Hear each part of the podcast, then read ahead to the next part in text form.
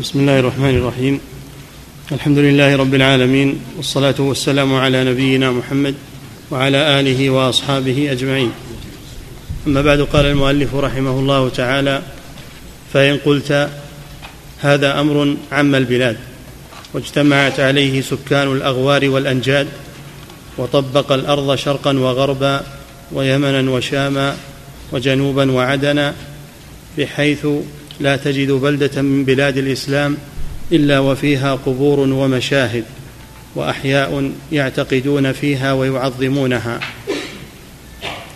نعم. هذه شبهة. هذه شبهة. لما قرر الشيخ الإمام رحمه الله فيما سبق الرد على شبهات القبوريين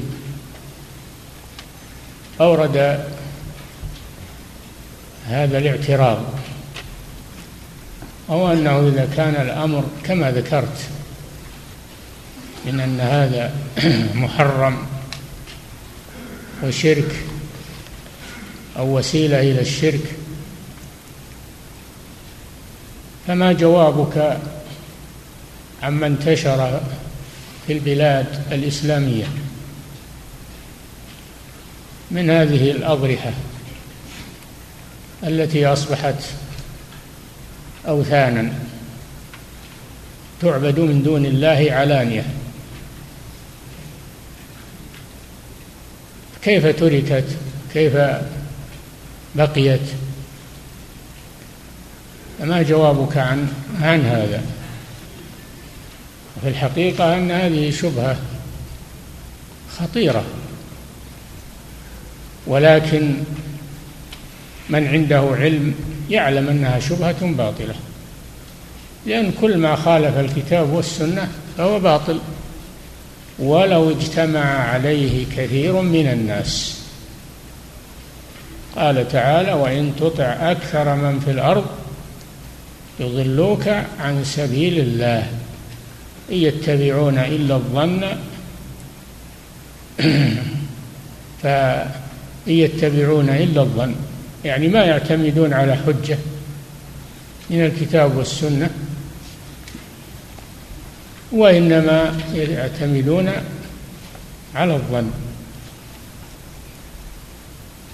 والظن ليس بدليل إن الظن لا يغني من الحق شيئا. هذا ليس بدليل. هذا من ناحية. وجواب آخر وهو أن نقول لا يزال في المسلمين ولله الحمد من ينكر هذه الأمور ويبين للناس لم يخلو عصر ممن ينكر هذه الأمور ويقيم الحجة. خذ مثلا هذا الإمام الصنعاني والشوكاني غيرهم. كذلك شيخ الإسلام الإمام محمد بن عبد الوهاب رحمه الله الذي أنكر هذا الشيء وألف فيه المؤلفات التي نفع الله بها وانتشرت وعم نفعها في البلاد الإسلامية ولله الحمد. فإذا لم يسكت الناس كلهم أو العلماء كلهم بل لا يزال من يقوم لله بحجة في كل زمان. نعم. فإن قلت هذا أمر عم البلاد واجتمعت عليه سكان الأغوار والأنجاد وطبق الأرض شرقا وغربا ويمنا وشاما وجنوبا وعدنا بحيث لا تجد بلدة من بلاد الإسلام إلا وفيها قبور ومشاهد وأحياء. يعني ما هو على عموم ما هو كل بلدة من بلاد الإسلام لكن الكثير من بلاد الإسلام نعم. أما هذه البلاد ولله الحمد كما ترون ليس فيها أي قبر يعظم أو أي مسجد على قبر. وما بكل البلاد نعم. وهذه البلاد في الحقيقة هي قلب العالم الإسلامي. هي قلب العالم الإسلامي لأن فيها لأن فيها الحرمين الشريفين قبلة المسلمين. وهي جزيرة العرب التي بعث فيها رسول الله صلى الله عليه وسلم. فالحمد لله الحجة قائمة وإن خالفها أكثر الناس. الحجة قائمة. ومن أراد الحق وجده ومن لم يرد الحق وإنما يريد أن يتبع هواه فهذا لن تملك له من الله شيئا. نعم. إلا وفيها قبور ومشاهد وأحياء يعتقدون فيها ويعظمونها وينذرون لها ويهتفون بأسمائها ويحلفون بها. نعم هذا غالب في بلاد المسلمين. نعم. ويطوفون بفناء القبور ويسرجونها ويلقون عليها الأوراد والرياحين. نعم يطيبونها بأنواع الطيب والمجامر والبخور والعطورات. نعم هذا موجود. نعم. ويلقون عليها الأوراد والرياحين ويلبسونها الثياب. نعم يسترونها بالستائر كما تستر الكعبة المشرفة على القبور. نعم. ويصنعون كل أمر يقدرون عليه من العبادة لها. وما نعم. وما في معناها من التعظيم والخضوع والخشوع والتذلل والافتقار إليها.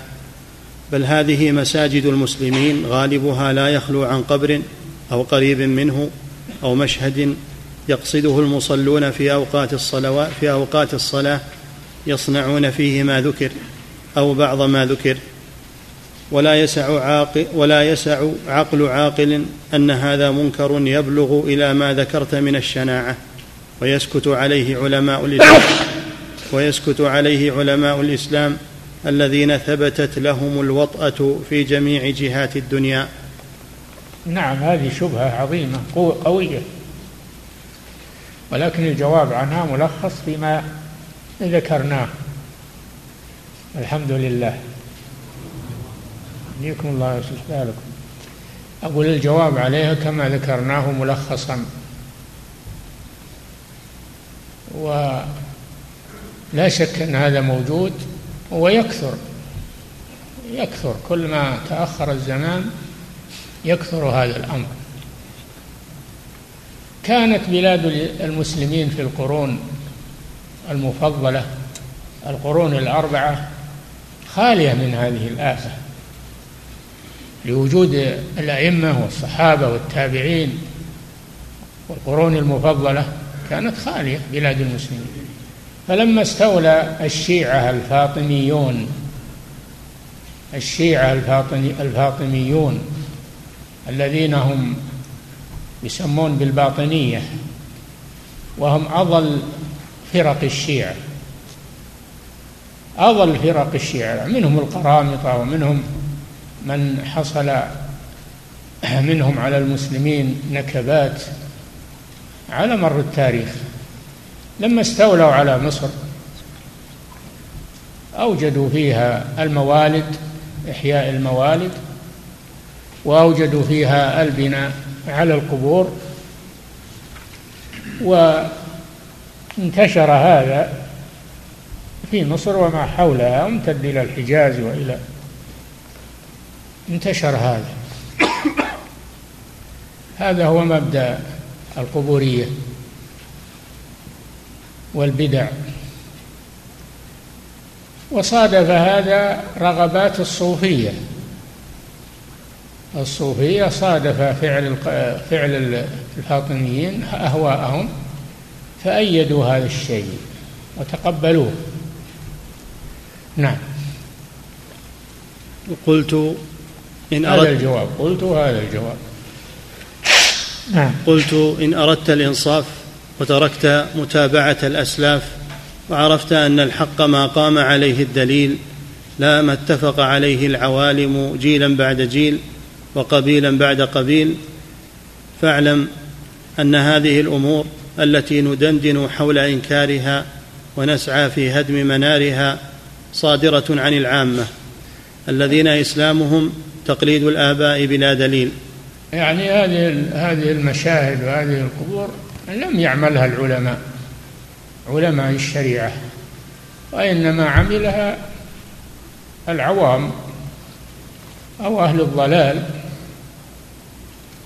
كالشيعة أو الصوفية وهؤلاء لا حجة في فعلهم. نعم. ما تجد أحدا من العلماء المعتبرين أيدها أو أجازها. أبدا. إنما يجيزها أهل الأهوى وأهل الضلال وأهل المطامع والرغبات. هم الذين أجازوها. وقد أظهر الله الأئمة بعد ركود وبعد شيخ الإسلام ابن تيمية وتلاميذه الإمام ابن القيم وابن كثير والذهبي والمزي وابن عبد الهادي فقاموا بإنكار هذا وتجديد هذا الدين وهذه العقيدة على منهج السلف ولله الحمد. فكان هذا شجعا في خلوق هؤلاء. وهو حجة داحضة. حجة هؤلاء القبوريون بقيت حجة داحضة. أما حجة هؤلاء الأئمة فهي حجة بالغة. وهكذا قال الله جل وعلا فلنقذف بالحق على الباطل فيدمغه. فإذا هو زاهق وقال تعالى وقل جاء الحق وزهق الباطل. إن الباطل كان زهوقا. وننزل من القرآن ما هو شفاء ورحمة للمؤمنين. ولا يزيد الظالمين إلا خسارة إلا خسارة. فالحمد لله. هذا الدين قائم وحجته قائمة. وله أتباع متمسكون به في كل زمان ومكان. قد يقلون في بعض الأوقات ولكن تقوم بهم الحجة. تقوم بهم الحجة فلا يفقد المنكر في كل زمان. نعم. قلت إن أردت الإنصاف وتركت متابعة الأسلاف وعرفت أن الحق ما قام عليه الدليل ما اتفق عليه العوالم جيلا بعد جيل وقبيلا بعد قبيل. فاعلم أن هذه الأمور التي ندندن حول إنكارها ونسعى في هدم منارها صادرة عن العامة الذين إسلامهم تقليد الآباء بلا دليل ومتابعتهم لهم من غير فرق بين دبير وقبيل. نعم لأن هؤلاء أشباه إما عوام وإما أشباه عوام. ليس عندهم أدلة. إلا وجدنا فلانا أو آباءنا على هذا فهم استمروا على هذا. تسألهم عن الحجة يقول وجدنا آباءنا على هذا. أنتم خوارج وأنتم وهابية وأنتم وأنتم. نعم. لكن هذا ما يضر أبدا. ما يضر أتباع الحق. أنهم يلقبون وينفر منهم. هذا حصل للرسول صلى الله عليه وسلم. لقبوه بألقاب ونفروا عنه لكن ظهر دينه ولله الحمد في المشارق والمغارب واندحر أهل الباطل. نعم. ينشأ الواحد فيهم فيجد أهل قريته وأصحاب بلدته يقلد يلقنونه في الطفولية أن يهتف باسم من يعتقدون فيه. الطفوله ينشأ الواحد فيهم فيجد أهل قريته وأصحاب بلدته يلقنونه في الطفولة أن يهتف باسم من يعتقدون فيه. نعم يلقنون أولادهم أن يهتفوا بالأموات المقبورين يربونهم على هذا هذا. نعم بل يدرسونهم هذه الأمور في مدارسهم وفي نعم. أن يهتف باسم من يعتقدون فيه ويراهم ينذرون عليه ويعظمونه ويرحلون به إلى محل قبره. يرحلون بأولادهم أطفال الأبرياء يرحلون بهم إلى هذه القبور من أجل أن أن يركزوا في يركزوا في عقائدهم وفي قلوبهم محبة هذه الأمور الشركية حتى ينشأوا عليها من الصغر. تتمكن في قلوبهم فتصبح معروفا ويصبح التوحيد منكرا. نعم. والتربية لها دور عظيم. قال صلى الله عليه وسلم كل مولود يولد على الفطرة يعني على الفطرة السليمة. فأبواه يهودانه أو أو ينصرانه أو يمجسانه فيحرفونه عن الفطرة السليمة ويغيرون فطرته إلى هذه المنعطفات الخطيرة. يربون أولادهم على هذا. فهم حرفوا فطرته وغيروها. نعم. ويرحلون به إلى محل قبره ويلطخونه بترابه ويجعلونه يلطخونه بتراب القبر لأجل التبرك. يلطخون المولود والطفل بتراب القبر. بل هم يحملون من تراب القبور والأضرحة يحملونه إلى بلادهم وإلى ورأيناهم يحثون من من القبور تراب ويحملونه معهم. هذه فتنة عظيمة والعياذ بالله. هذه فتنة عظيمة. نعم. لو تشوفهم على جبل عرفات ماذا يصنعون؟ يوم عرفة الذي هو أفضل الأيام. رأيت العجب العجاب. جايين من بلاد بعيدة يتعبون ويخسرون أموال ويمارسون هذه الأمور في أفضل أيام وفي أفضل مكان ويرجعون خاسرين والعياذ بالله. نعم. الناس يدعون ربهم يوم عرفة ويتضرعون إليه. وهؤلاء مقبلون على الشرك إلى أن تغيب الشمس ثم ينصرفون من عرفة. هذه حصيلتهم من هذا اليوم العظيم. نعم.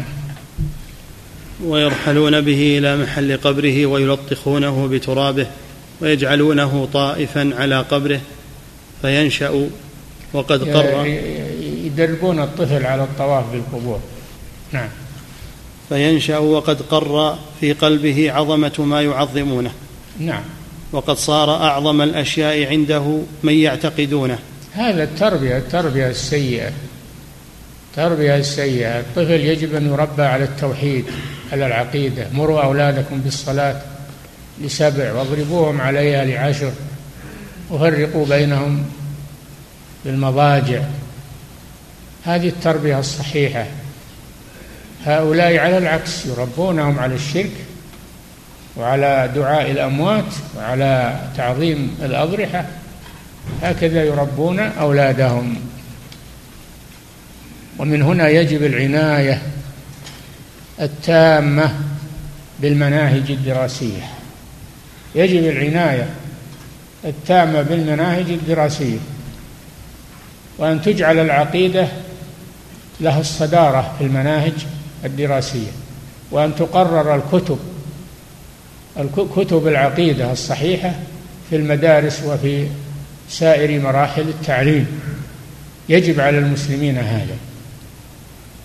ولا يجعلون التربية يعني عادات آه، الغرب وأخلاق الغرب ويربون على التربية الغربية تغرب عقولهم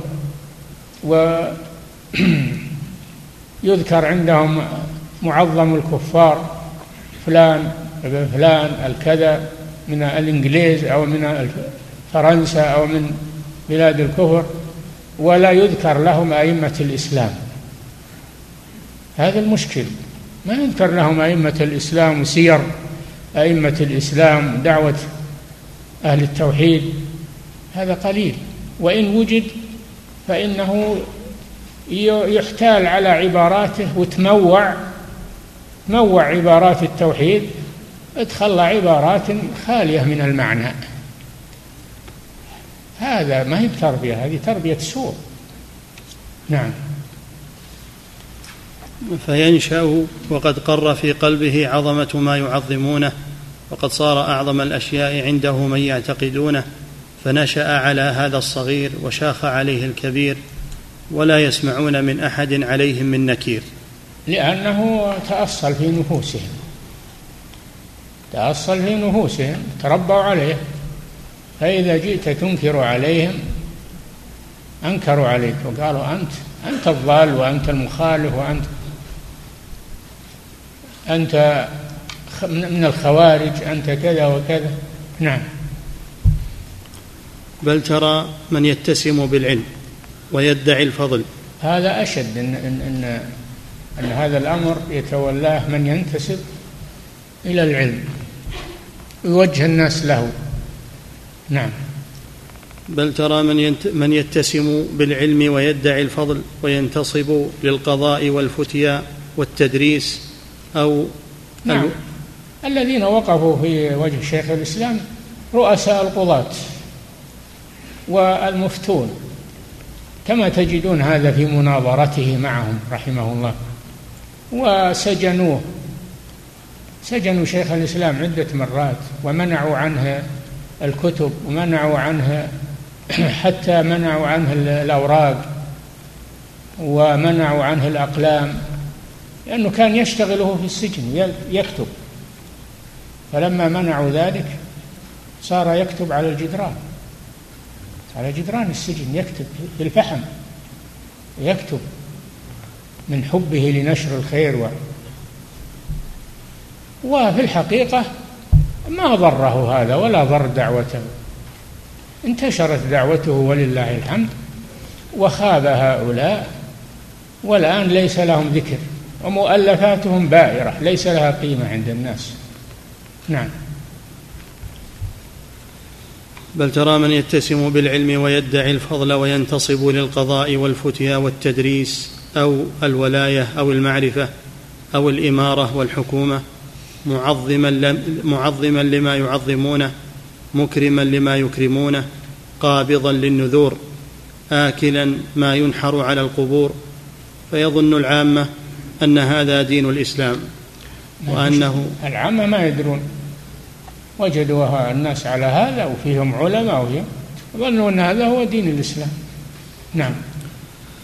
فيظن العامة أن هذا دين الإسلام وأنه رأس الدين والسنام ولا يخفى يقولون هذا محبة للصالحين. اللي ينكر عليهم يقول أن تبغض الصالحين. أن تبغض الصالحين. اللي ما يعبدهم هذا يبغضهم. عندهم عند هؤلاء. نعم.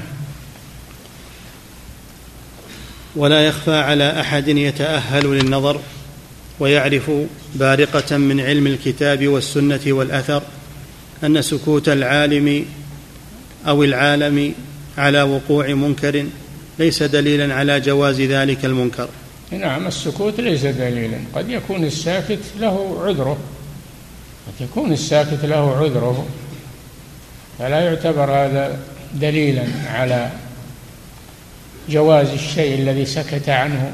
قد لا يستطيع أنه ينكر لا يستطيع أنه يبين للناس.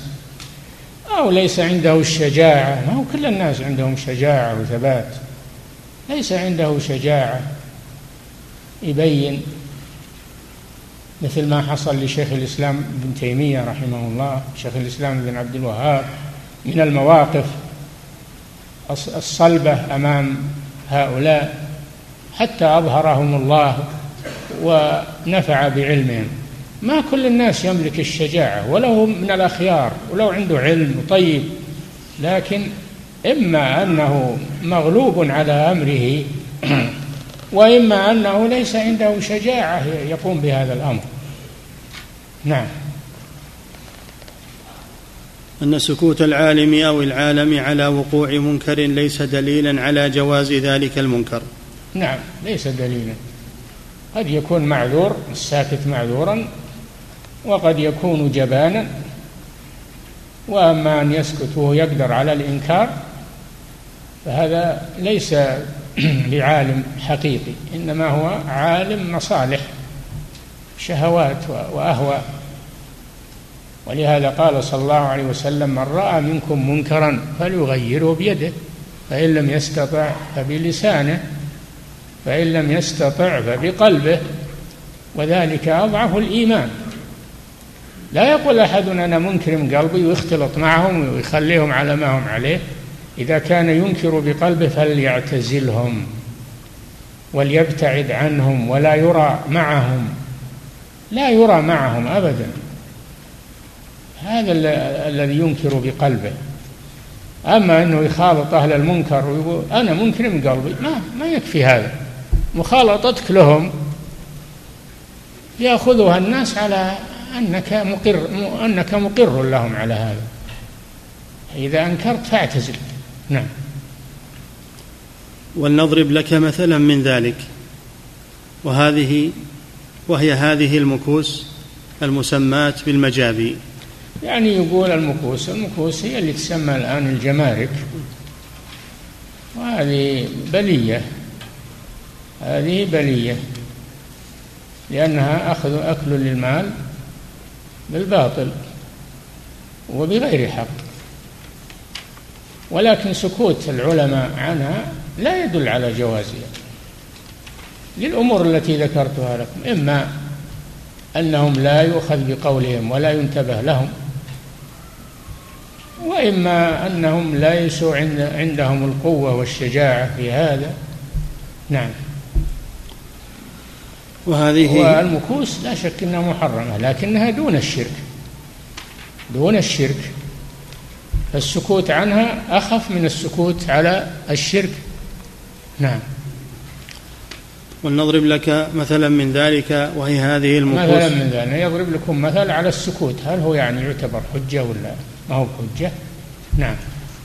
وهي هذه المكوس المسماة بالمجابي المعلوم من ضرورة الدين تحريمها. لأنها أكل للمال بالباطل بغير حق. نعم. لكن يقولون هذا نظام دولي وهذا وهذا وهذا حماية للمنتجات وما ما أدري يعني ما يقدرون يحمون المنتجات إلا بهذا. نعم. المعلوم من ضرورة الدين تحريمها قد ملأت الديار والبقاع وصارت أمرا مأنوسا. نعم. لا يلج إنكارها إلى سمع من الأسماع. وقد, وقد امتدت أيدي المكاسين في أشرف البقاع في مكة أم القرى. نعم في وقته يعني كان يأخذون من الحجاج. يأخذون من الحجاج. ما يحج أحد إلا يدفع ضريبة. نعم. وقد امتدت أيدي المكاسين في أشرف البقاع في مكة أم القرى يقبضون من القاصدين لأداء فريضة الإسلام ويلقون في البلد الحرام كل فعل كل فعل حرام وسكانها من فضلاء الأنام والعلماء والحكام ساكتون عن الإنكار معرضون عن إيراده والإصدار. الحكام هم الذين يأمرون به في وقته يعني. نعم. أفيكون السكوت من العلماء بل من العالم دليلا على حل آخذها وإحرازها. نعم. نعم. هذا لا يقوله من له أدنى إدراك. نعم. بل أضرب لك مثلا آخر. هذا حرم الله الذي هو أفضل بقاع الدنيا بالاتفاق وإجماع العلماء. نعم. هذا مثل آخر وهو أنه كان في الحرم المكي أربعة مقامات. حسب المذاهب الأربعة. كل مذهب له مقام ومحراب وإمام من, من هذا المذهب. ويصلون الناس متفرقين في الحرم هذا حنفي يصلي في وقت كذا. وهذا حنبلي يصلي وقت كذا. وهذا شافعي وهذا مالكي. كانت المقامات إلى أن إلى أن أمر الملك سعود رحمه الله بعمارة المسجد الحرام فهدمت. أنا أدركتها موجودة مقامات موجودة هنا. لكن الملك عبد العزيز رحمه الله منع تعدد الأئمة وأمر بأن يصلي المسلمون جميعا خلف إمام واحد. فهذا من حسناته رحمه الله ومن إصلاحاته. لكن بقيت هذه المقامات بناياتها بقيت. إلى زمن الملك سعود رحمه الله فهدمها وزال أثرها ولله الحمد. نعم. هل هل سكوت الناس على هذه المقامات دليل على الجواز؟ لا. نعم. بل أضرب لك مثلا آخر. هذا حرم الله الذي هو أفضل بقاع الدنيا بالاتفاق وإجماع العلماء. أحدث فيه بعض ملوك الشراكسة الجهلة الضلال هذه المقامات الأربعة المقامات الأربعة على المذاهب الأربعة نعم أحدث فيه بعض ملوك الشراكسة الجهلة الضلال هذه المقامات الأربعة التي فرقت عبادات العباد نعم. واشتملت على ما لا يحصيه إلا الله عز وجل من الفساد نعم. وفرقت عبادات المسلمين وصيرتهم كالملل المختلفة في الدين بدعة قرت بها عين إبليس اللعين نعم. وصيرت المسلمين ضحكة للشياطين. هي أمة واحدة. ولا يصلي بعضهم خلف بعض ولا يصلون خلف إمام واحد. لا شك أن هذا يسر العدو ويغيظ الصديق. نعم. وقد سكت الناس عليها. يعني سكتوا عليها مدة. سكتوا عليها مدة إلى أن إلى أن جاء الملك عبد العزيز رحمه الله فكان من إصلاحاته أولا إزالة القباب التي على القبور في المعلات وفي غيرها وثانيا منع هذه المقامات وتوحيد الصلاة خلف إمام واحد. نعم. فكانت سنة حسنة فعلها رحمه الله. نعم. وقد سكت الناس عليها ووفد علماء الآفاق والأبدال والأقطاب إليها وشاهدها كل ذي كل ذي عينين نعم. وسمع بها كل ذي كل ذي أذنين. أفهذا السكوت دليل وهذا تدريب تعليم للناس على الافتراق. تعليم للناس على الافتراق والاختلاف. لا حول ولا قوة إلا بالله. تعليم للناس على التعصب للمذاهب. نعم. أفهذا دليل على جوازها؟ هذا لا يقوله من له إلمام بشيء من المعارف. نعم لا يقوله عالم كما يقوله إما مغرض وإما جاهل. وإلا كان المسلمون يصلون خلف إمام واحد في عهد النبي صلى الله عليه وسلم لما فتح مكة. وفي في المدينة في مسجد الرسول صلى الله عليه وسلم. نعم. كذلك سكوتهم على هذه الأشياء الصادرة من القبوريين. نعم. كذلك سكوتهم على هذه الأشياء الصادرة إيه من نعم. القبوريين. إذا كان هذا سائغا وهو تفريق الناس على مذاهبهم فليكن ما هم عليه من من صلب المسألة وهي بقاؤهم على عبادة القبور والأضرحة يكون هذا دليل على الجواز. نعم. إن جاز هذا جاز هذا. نعم. فإن قلت يلزم من هذا أن الأمة قد اجتمعت على ضلالة. هذه مسألة. خلص من الجواب الآن عن هذا. قال له المعترض أجل أن تقول أن الناس اجتمعوا على ضلالة. والأمة لا تجتمع على ضلالة. هذه شبهة يعني شيطانية. هذه شبهة شيطانية. فما الجواب عنها؟ انتبهوا. نعم. فإن قلت يلزم من هذا أن الأمة قد اجتمعت على ضلالة حيث سكتت على إنكارها لأعظم جهالة. نعم. قلت حقيقة الإجماع هذا يدخل مسألة الإجماع. الإجماع هو اتفاق علماء العصر على حكم مسألة شرعية. على حكم مسألة شرعية إما بالتحليل وإما بالتحريم وإما بالإيجاب.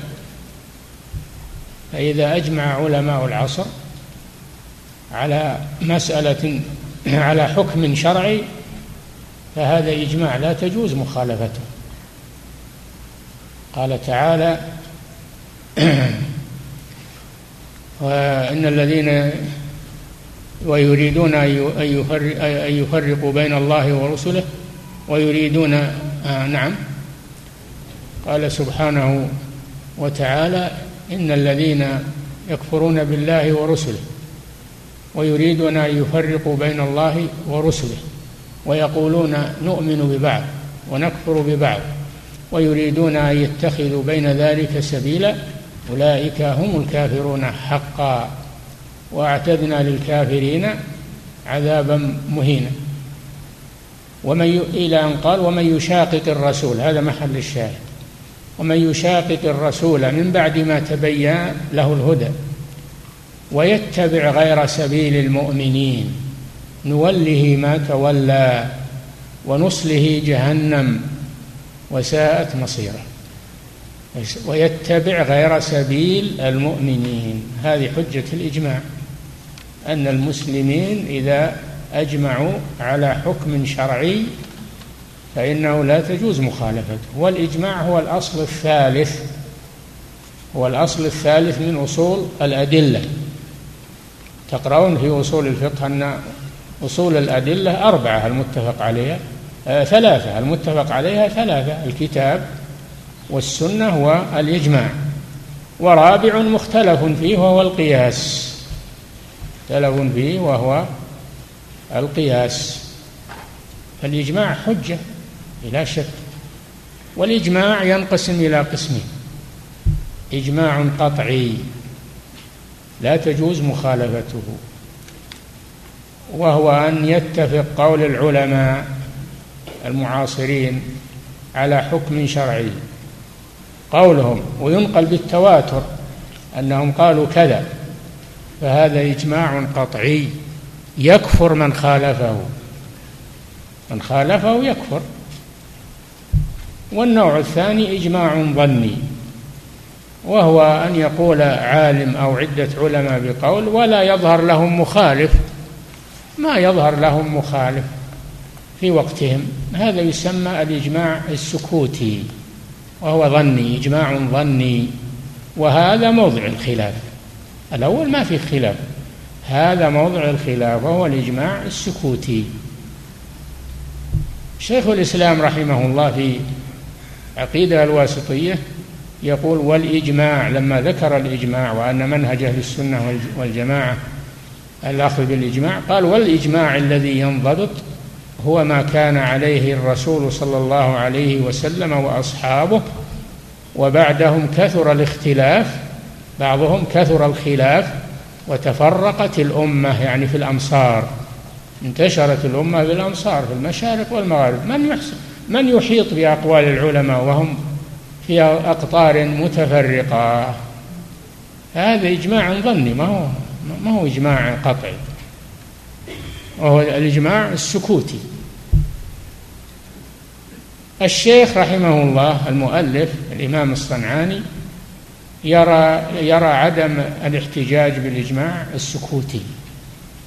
ينكر هذا ينكر الاحتجاج بالإجماع السكوتي. يعني أخذ بالقول الثاني فيه. مشى على هذا. نعم. فإن قلت يلزم من هذا أن الأمة قد اجتمعت على ضلالة حيث سكتت على إنكارها لأعظم جهالة. حيث سكتت شوف إجماع سكوتي نعم. قلت حقيقة الإجماع اتفاق مجتهدي أمة محمد صلى الله عليه وسلم. هذا هو الإجماع القاطعي الذي لا تجوز مخالفته. نعم حقيقة حقيقة الإجماع اتفاق مجتهدي أمة محمد صلى الله عليه وسلم على أمر بعد عصره. نعم. وفقهاء المذاهب الأربعة يحيلون الاجتهاد من بعد الأربعة.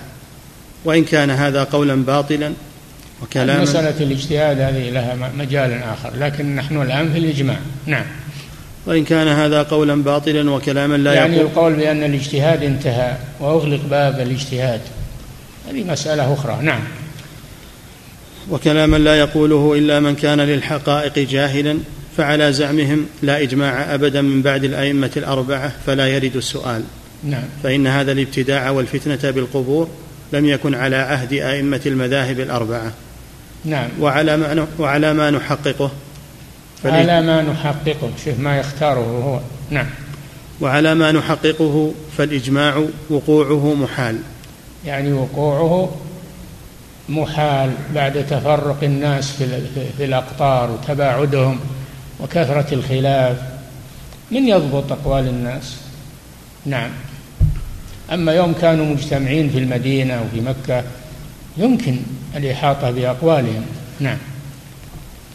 وعلى ما نحققه فالإجماع وقوعه محال فإن الأمة المحمدية قد ملأت الآفاق نعم وصار قد ملأت الآفاق. يعني تباعدت في البلدان المشرق والمغرب والشمال والجنوب.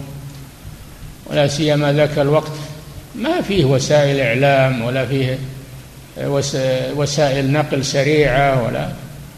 كل قطر يعني مثلا الخرج. الخرج متى يجي الخبر من الخرج للرياض؟ على الأقدام ولا على الإبل صعب هذا بعيد. قصيم كذلك. بسبب تباعد الأقطار في الزمان. أما الآن كما تعلمون العالم كله صار كالبلد الواحد بل يكون كالقرية الصغيرة. نعم ما يجري في أقصاه ينتشر في أقصاه ونخشى أن يكون هذا سببا للفتنة والشر. نعم. فإن الأمة المحمدية قد ملأت الآفاق وصارت في كل أرض وتحت كل نجم فعلماؤها المحققون لا ينحصرون. لا ينحصرون ولا يمكن الإحاطة بأقوالهم. نعم. ولا يتم لأحد معرفة أحوالهم فمن ادعى الإجماع بعد انتشار الدين وكثرة علماء المسلمين فإنها دعوى كاذبة كما قاله أئمة التحقيق. آه، إن شاء الله كاذبة لكن خطأ. خطأ لأنه يصعب مثلا جمع أقوال العلماء في أقطار الأرض على قول واحد صعب هذا. نعم. ثم لو فرض أنهم علموا بالمنكر وما أنكروه. بل سكتوا عن إنكاره لما دل سكوتهم على جوازه. هذه مسألة أخرى. يعني ما هو سكوت الإنسان على المنكر دليل على جوازه؟ لأنه قد يكون في سكوته معذورا أو متساهلا. ليس سكوته دليلا. نعم.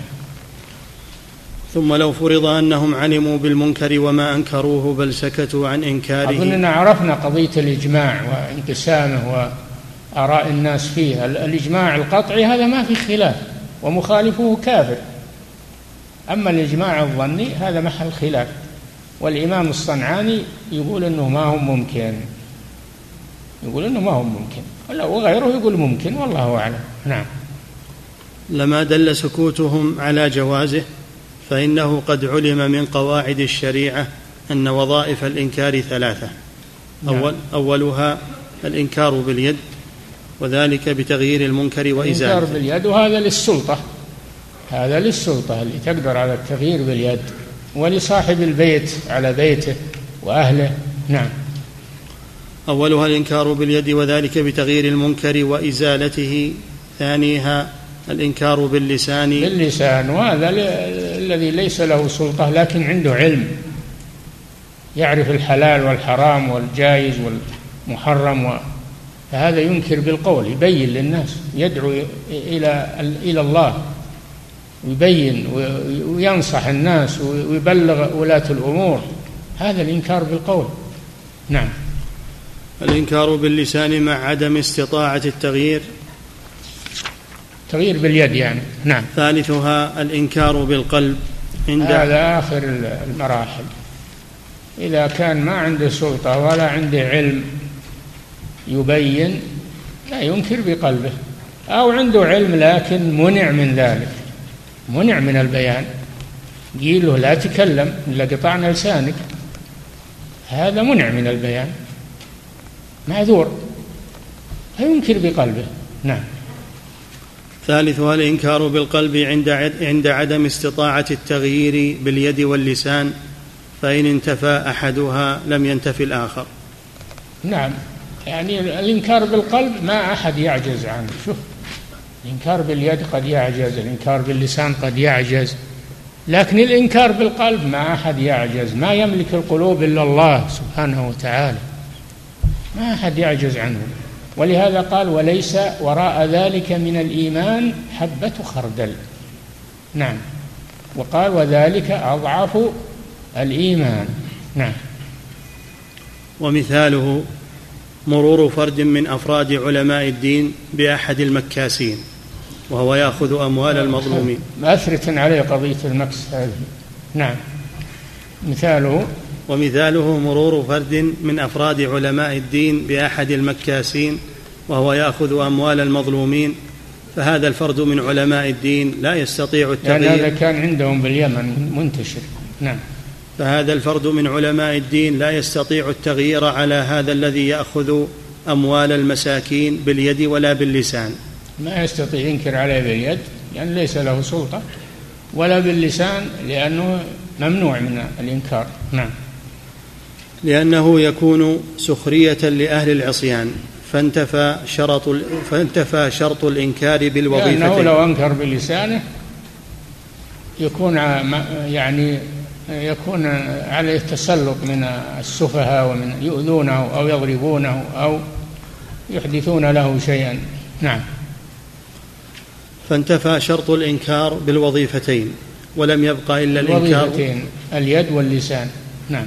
ولم يبقى إلا الإنكار بالقلب الذي هو أضعف الإيمان. نعم. أو ليس وراءه إيمان. نعم. فيجب على من رأى ذلك العالم ساكتا عن الإنكار مع مشاهدة ما يأخذه ذلك الجبار أن يعتقد أنه تعذر عليه الإنكار يلتمس للعالم عذرا أنه لا يستطيع الإنكار باليد ولا باللسان. نعم. أن يعتقد أنه تعذر عليه الإنكار باليد واللسان ولا يقول أنه أجاز هذا ما, ما يقول أنه أجاز هذا لكن يقول أنه ممنوع من هذا الشيء. نعم.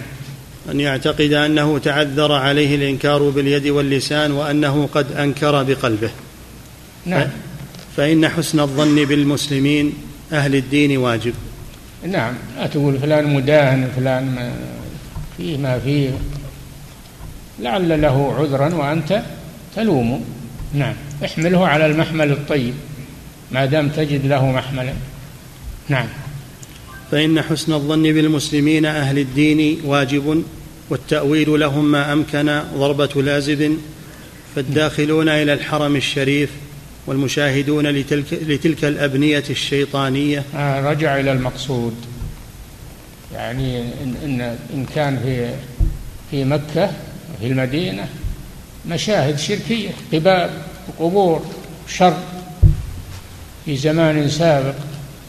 نعم. فهل, فهل قدوم العلماء والحجاج إلى الحرمين سكوتهم عن إنكار هذه الأمور هل هذا دليل على الجواز؟ نعم. فالداخلون إلى الحرم الشريف والمشاهدون لتلك الأبنية الشيطانية التي فرقت شمل الدين وشتتت صلوات قصدها المقامات والآن قصدها المقامات. نعم. التي فرقت شمل الدين وشتتت صلوات المسلمين معذورون عن معذورون عن الإنكار إلا بالقلب. معذورون عن الإنكار لأن هذا أمر سلاطين ويدهم السلطة والقوة. لا يستطيع أنه يغير. نعم. معذورون عن الإنكار إلا بالقلب كالمارين على المكاسين وعلى القبوريين. كالمارين على المكاسين وعلى القبور ينكرون بقلوبهم لأنهم لا يستطيعون الإنكار باليد ولا باللسان. نعم. ومن هنا يعلم اختلال ما استمر عند أئمة الاستدلال من قولهم في بعض ما يستدلون عليه بالإجماع أنه وقع ولم ينكر. هذه قضية ما ذكرنا أنه يرى رحمه الله عدم الاحتجاج بالإجماع السكوتي لأنه ظني. نعم. ومن هنا يعلم اختلال ما استمر عند أئمة الاستدلال من قولهم في بعض ما يستدلون عليه بالإجماع. أنه وقع ولم ينكر فكان إجماعا. هذه عبارة تتكرر في كتب الفقه. يقول قال فلان كذا واشتهر ولم ينكر فكان إجماعا. يعني إجماع سكوتي إجماع ظني ما هو ما هو إجماع قطعي. نعم. ووجه اختلاله أن قولهم ولم ينكر. طيب نقف على هذا. ومن هنا تعلم من هنا يعلم اختلال. من هنا يعلم. نعم.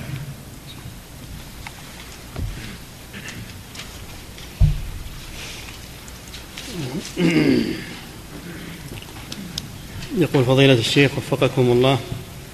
يقول ذكرتم حفظكم الله قيام الملك عبد العزيز رحمه الله بإيقاف بدعة المقامات الأربعة بعد أن شاعت زمنا ولم تنكر. يقول وقد تناقلت وكالات الأنباء ما أمر به خادم الحرمين الملك عبد الله أيده الله بالحق في هذا اليوم من إنكار ما شاع بين كثير من الناس من إطلاق لقب ملك القلوب وملك الإنسانية. وأن هذا طيب جزاه الله خير. وأنه لا يرضى بهذا الأمر وأنه لأن الله سبحانه هو الملك ونحن عبيد له. يقول فهل من تعليق على ذلك وفقكم الله؟ تعليقا ندعو له بالتوفيق وجزاه الله خيرا وأثابه على هذا أن هذا منكر ظاهر لأن ملك القلوب هو الله. مقلب القلوب سبحانه. ملك الإنسانية هو الله. ملك الناس إله الناس. هو الله جل وعلا. ولهذا أنكر العلماء تسمية العالم بسيد الناس. وهذا لا يجوز سيد الناس. وإن كان فيه من الأئمة من يسمى بهذا لكن هذا غير جائز. نعم. يقول فضيلة الشيخ وفقكم الله يقول هل يعد الأذانان في يوم الجمعة في الحرم بهذه الطريقة التي تكون من المخالفات التي سكت عليها العلماء كالمقامات الأربع السابقة.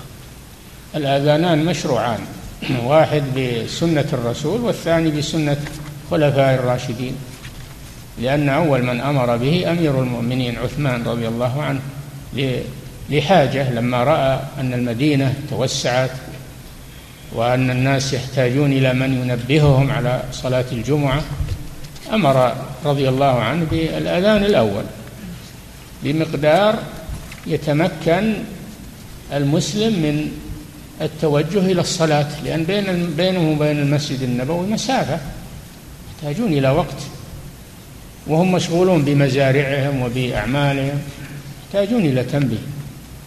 فهذا من سنة الخلفاء الراشدين. فالأذانان في حد ذاتهما سنة. وأما تصرف الناس وجعل الأذان الأول قريب من الأذان الثاني بدقائق فقط فهذا يفقد الفائدة من الأذان الأول. يفقد الفائدة من الأذان الأول. فليتهم ليت ولاة الأمور وفقهم الله ينتبهون لهذا.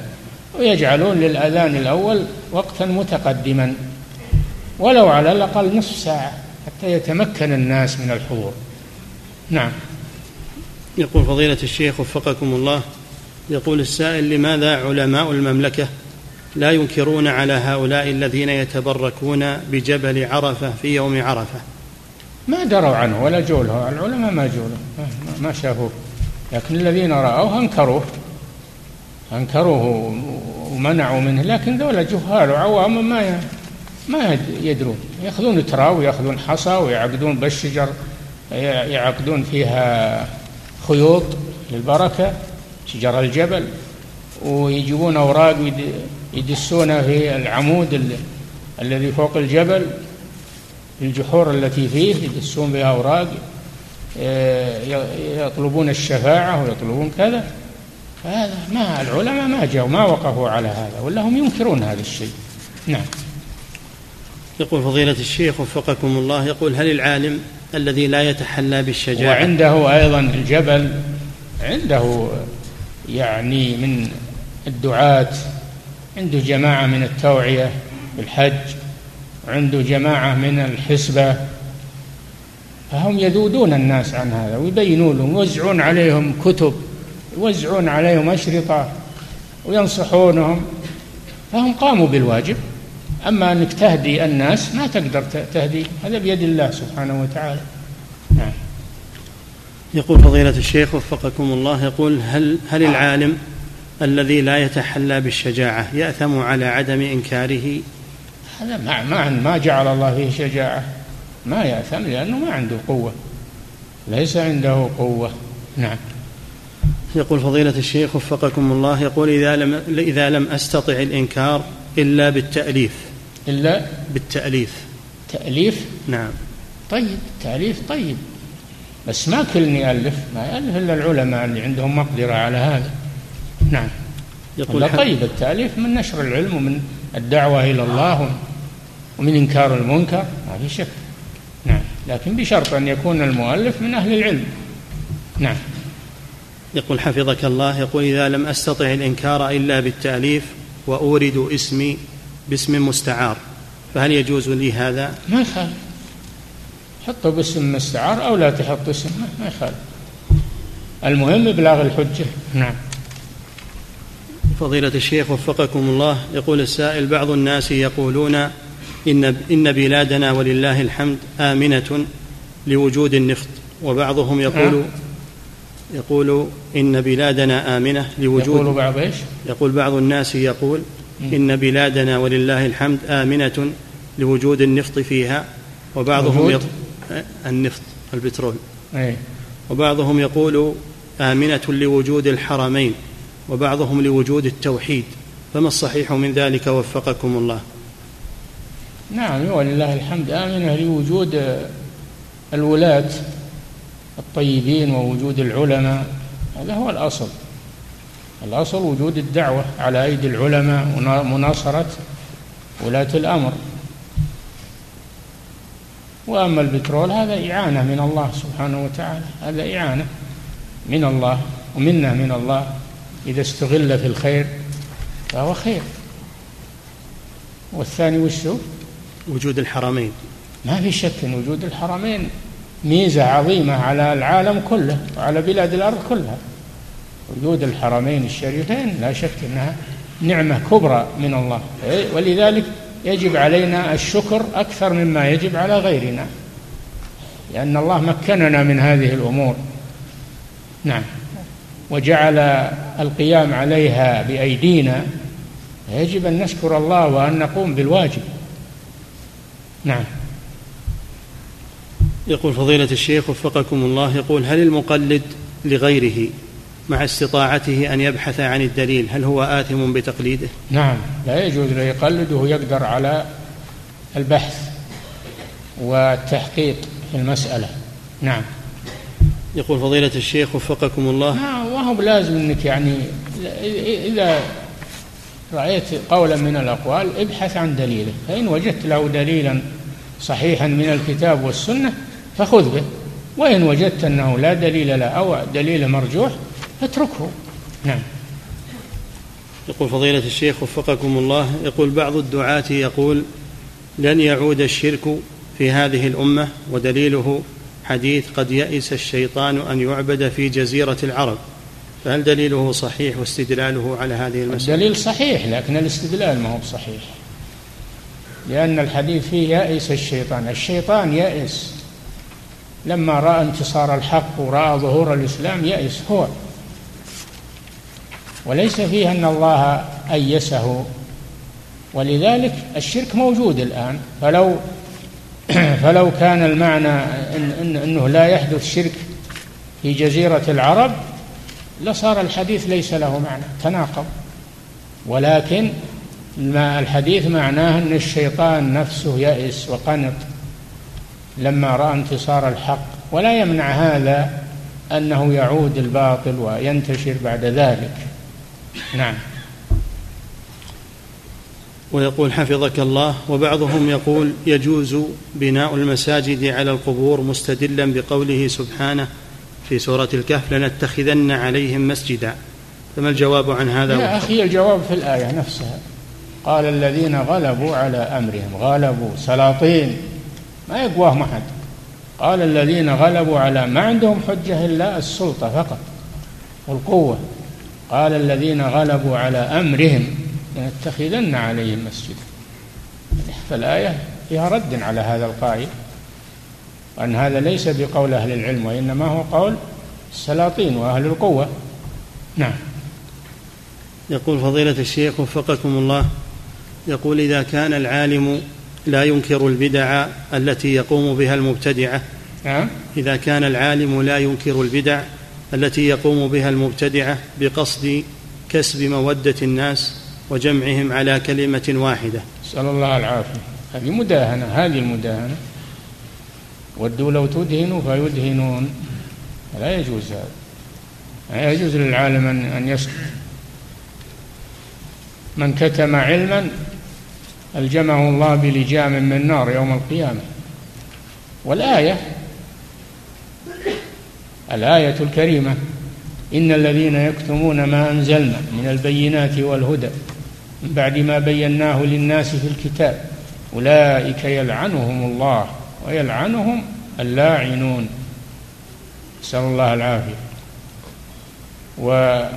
و وإذا أخذ الله ميثاق الذين أوتوا الكتاب لتبيننه للناس ولا تكتمونه فنبذوه وراء ظهورهم واشتروا به ثمنا قليلا فبئس ما يشترون. فلا يجوز كتمان العلم والناس بحاجة إليه ولا يجوز تأخير البيان عن وقت الحاجة. هذا أمر مسلم ومعروف. نعم.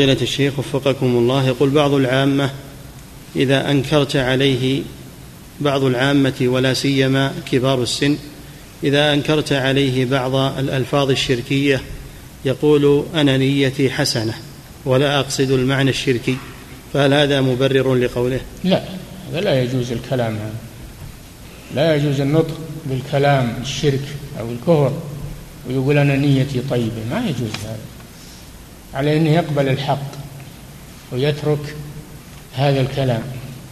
يقول جزاك الله خيرا. نعم. يقول فضيلة الشيخ وفقكم الله يقول هل الطفل الناشئ في الشرك منذ نعومة أظفاره وهو في شركه هل يطلق عليه كافر أصلي؟ وهل يكون معذورا بذلك؟ تبع تبع لأبويه. أطفال المشركين تبع لآبائهم. أطفال المسلمين تبع لآبائهم يحكم بإسلامهم. نعم. وكذلك حفظك الله يقول آخر يقول إذا كان أطفال الصوفية يربون على الشرك أليس لهم عذر من عدم التكفير؟ يا أخي يدرسون في المدارس الشيء هذا والنهي عن البدع والتحذير من التصوف إن كان القصد في في بلادنا. أما إن كان القصد في بلاد آخر فهذا من تقصير العلماء. هذا من تقصير العلماء والمربين. نعم. يقول فضيلة الشيخ وفقكم الله يقول إذا كنت منكرا على أهل البدع بقلبي لكن بيني وبينهم تبادل مصالح كتجارة فهل يكفي الإنكار بالقلب مع مخالطتهم؟ تعامل مع حتى مع الكفار تعامل المباح لا بأس به بالبيع والشراء إنما محبتهم في القلب أو آه، تساهل فيما هم عليه وعدم إنكاره هذا هو الممنوع. أن تعامل معهم مع أنك تنكر ما هم عليه ولا تجالسهم أو تضاحك معهم وتصادقهم. تعاملهم بالمعاملات فقط. نعم. يقول فضيلة الشيخ وفقكم الله يقول ذكر بعض علماء الأصول أن من فوائد تقسيم الإجماع إلى ظني وقطعي الترجيح بينهما عند التعارض. سؤاله هل يمكن أن يتعارض إجماعان وفقكم الله؟ ما أدري. هذا كلام ما اطلعت عليه ولا أدري. وربما يكون من كلام بعض العصريين اللي ما المتعالمين. ما أدري. نعم. يقول فضيلة الشيخ وفقكم الله يقول عندما قلتم أن العالم الآن أصبح كالقرية الصغيرة خشيت أن يكون ذلك سببا للشر. خشيت؟ أي نعم. أو خشي هو خشيت أنت. نعم. عندما؟ يقول عندما قلت إن العالم الآن أصبح كالقرية الصغيرة قلت أخشى أن يكون ذلك سببا للشر. نعم. يقول مع أن حسنات وفوائد هذا العالم وتطوره خادم للإسلام خدمة عظيمة. فما سبب تلك الخشية؟ وفقكم الله. ما شفنا اللي تقول ما شفنا إلا الشر الآن ونشر الشر والباطل. هذا اللي شفناه الآن. الأكثر والكثير هو انتشار الباطل وانتشار الحق قليل. لو كان العكس صار الكلام هذا صحيح. لكن نشكو إلى الله. نعم. يقول فضيلة الشيخ وفقكم الله يقول هل من كانت لديه مؤسسة معنية بالنقل الجمركي وهي خاصة به. هل هذه الشركة جائزة؟ نعم. يقول هل من كانت لديه مؤسسة معنية بالنقل الجمركي؟ والله المشاركة في الأمور التي لا تجوز لا لا تجوز ولا تعاونوا على الإثم والعدوان. يبتعد عنها والأرزاق كثيرة ولله الحمد. نعم. يقول فضيلة الشيخ وفقكم الله يقول ما ما رأيكم في أساليب التربية المستخدمة بالطرق الغربية وجعله فنا لا بد أن يتعلمه كل إنسان؟ هذا لا يجوز. هذا لا يجوز أن نعلم أولادنا التربية الغربية. حرام هذا. وخيانة للأطفال. تغيير لفطرتهم. فلا يجوز. وإن نادى به العلمانيون الآن وينادون بالتربية الغربية ويقللون من التربية الدينية الإسلامية. آه، هذا لا يعبأ به ولا ينظر إليه. ونطالب بأن تكون التربية على دين الإسلام والتحذير من تربية الغرب. نعم. يقول فضيلة الشيخ وفقكم الله يقول من كان في مدينته مسجد فيه قبر. فهل تجب عليه صلاة الجماعة؟ لا ما يصلي مع الجماعة مسجد فيه قبر. ما يصلي. يروح المسجد آخر ليس فيه قبر. أو يتفق هو وجماعة معه يهيئ لهم مصلى أو مسجد على السنة خالي من القبر. نعم. وكذلك حفظك الله يقول من صلى في مسجد فيه قبر فهل يعيد صلاته؟ بلا شك يعيد الصلاة لأن النبي صلى الله عليه وسلم نهى عن الصلاة عند القبور والنهي يقتضي الفساد. نعم. يقول فضيلة الشيخ وفقكم الله يقول هل كل من لا ينكر المنكر نحسن الظن به؟ هو الأصل الأصل أنه يحسن الظن به. إلا إذا صرح أن هذا ما هو منكر وهذا وأنت خليك دبلوماسي وخليك واسع الأفق وخليك هذا صرح والعياذ بالله. أما إذا كان أنه ما يدرى عن عذره نحمله على المحمل الصحيح. نعم. خليك متسامح لا تشدد. نعم.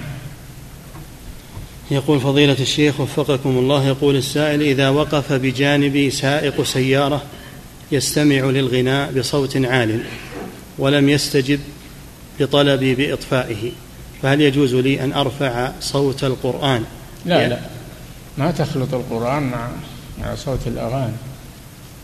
أنت أنكرت عليه وأيضا أنت ماشي وهو ماشي. الحمد لله. أنكرت عليه وأديت الذي عليك. نعم. يقول فضيلة الشيخ وفقكم الله يقول هل يجوز ترك العمل من أجل الناس خوفا من الرياء؟ هذا هو الرياء. إذا ترك العمل خوفا من الناس هذا هو الرياء. فلا يعمل من أجل الناس ولا يترك العمل من أجل الناس. نعم. يقول فضيلة الشيخ وفقكم الله يقول ما حكم قول الشخص لآخر إني أحيا بحبك؟ يحيا بحبك. يعني ولو ما حبه يموت. هذه مبالغة هذه مبالغة. نعم. وربما تكون تملق أيضا. نعم.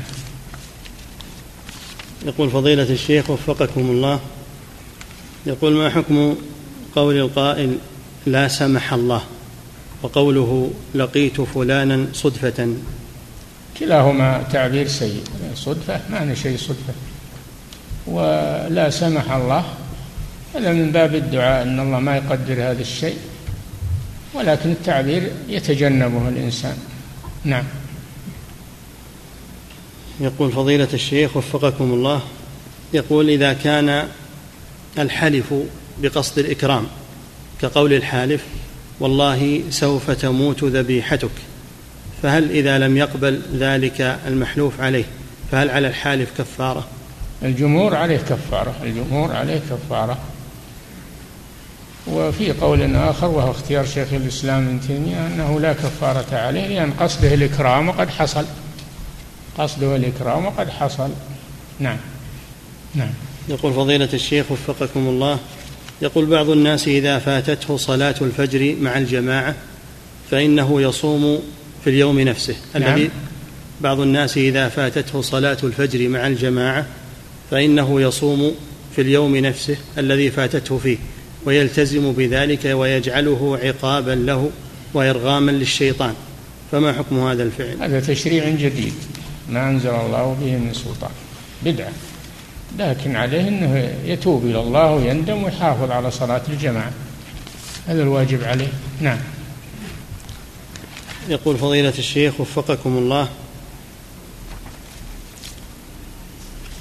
يقول أحد طلبة العلم يقول إن الشيخ عبد اللطيف بن عبد الرحمن بن حسن بن محمد بن عبد الوهاب رحمهم الله جميعا يقول إن هذا الشيخ عبد اللطيف هو يكفر بالعموم فهل قوله صحيح؟ هذا كلام باطل. الشيخ من من أحذق العلماء في هذه المسألة رحمه الله ولا يكفر بالعموم إنما يكفر من كفره الله ورسوله بالدليل. نعم. لكن هؤلاء يتجنون على أئمة الدعوة وعلى العلماء. هذا من كلامهم نعم. يقول فضيلة الشيخ وفقكم الله يقول شخص في العمرة أخبره آخر بأن تغطية الرأس بالإحرام غير جائزة فقام هذا المعتمر فغطى رأسه ثم أنزل الغطاء ويقول لا أعلم بهذا الكلام ولم أسمع به. حيث إنه جاهل بالحكم.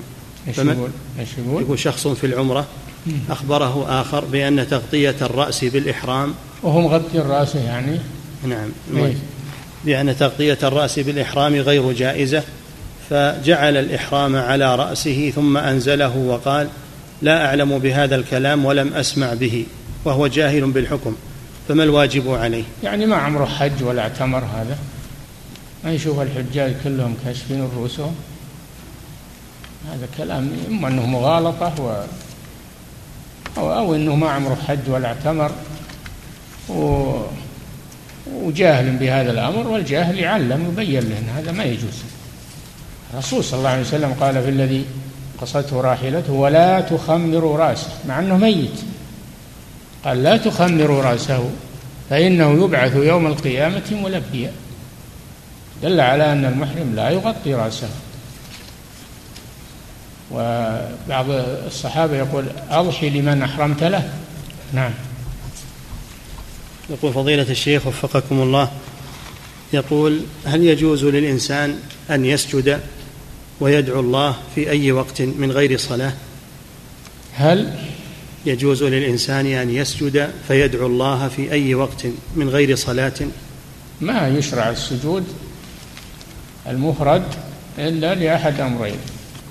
إما لسجود شكر لله عز وجل. سجود شكر لأمر واحد سجود الشكر أو سجود تلاوة. إذا كان يقرأ القرآن ومر على آية سجدة يسجد. أو تجددت نعمة أو اندفعت نقمة له خاصة أو للمسلمين عامة فإنه يسجد شكرا لله عز وجل. نعم. يقول فضيلة الشيخ وفقكم الله يقول شخص صلى خلف مقيم قصرا. شخص مسافر صلى خلف مقيم قصرا ثم نبه بعد ذلك. فهل يأتي بركعتين يكمل بهما صلاته؟ لا لا يعيد الصلاة من جديد. يعيد الصلاة من جديد. نعم. يقول فضيلة الشيخ وفقكم الله يقول السائل يقول علي يمين فهل يجوز لي أن أطع؟ يقول علي يمين أو كفارة يمين فهل يجوز لي أن أطعم المساكين رزني لم يطبخ وأجعل عليه لحما؟ هذا هو الأصل. الأصل أنك تعطيهم الطعام غير مطبوخ وهم يتصرفون فيه يأكلونه يبيعونه يعني يهدونه لحد يتصرفون فيه. هذا هو الأصل. ويجوز أن أن تعطيهم آه، الإطعام مطبوخا. لا بأس بذلك. لكن الأصل أن تعطيهم الطعام غير مطبوخ يتصرفون فيه. وإذا جعلت مع هدام هذا أكمل وأحسن. نعم.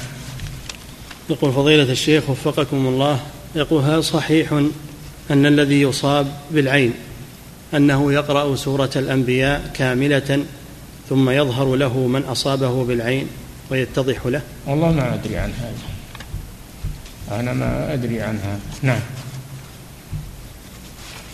يقول فضيلة الشيخ وفقكم الله يقول ما أهمية اقتران العلم بالعمل؟ حيث إننا نرى بعضا يحرص حرصا شديدا على طلب العلم ويهمل جانب العبادة فلا يحسن أداء صلاته من ركوع وسجود ولا يهتم بالسنن الرواتب. لا شك أن العلم مرتبط بالعمل والعمل ثمرة العلم. فإذا لم يعمل صار مثل الشجر الذي ليس له ثمر مش فائدة الشجر الذي ليس له ثمر. وهذه طريقة اليهود أنهم أخذوا العلم وتركوا العمل. كما أن طريقة النصارى على العكس أخذوا العمل وتركوا العلم. وقالوا العلم يشغل عن العمل وعن العبادة. وهي طريقة الصوفية الآن. طريقة الصوفية يقول لا تعلمون يجيكم العلم تلقائيا. عليكم بالعمل والعبادة لأن طلب العلم يشغلك عن العبادة. وهكذا يقولون. فطريق الصحيح صراط الذين أنعمت عليهم. وهم الذين جمعوا بين العلم النافع والعمل الصالح. هو الذي أرسل رسوله بالهدى ودين الحق. الهدى هو العلم ودين الحق هو العمل. الرسول بعث بهما جميعا. نعم. انتهى. الله تعالى أعلم وصلى الله وسلم على نبينا محمد وعلى آله وصحبه.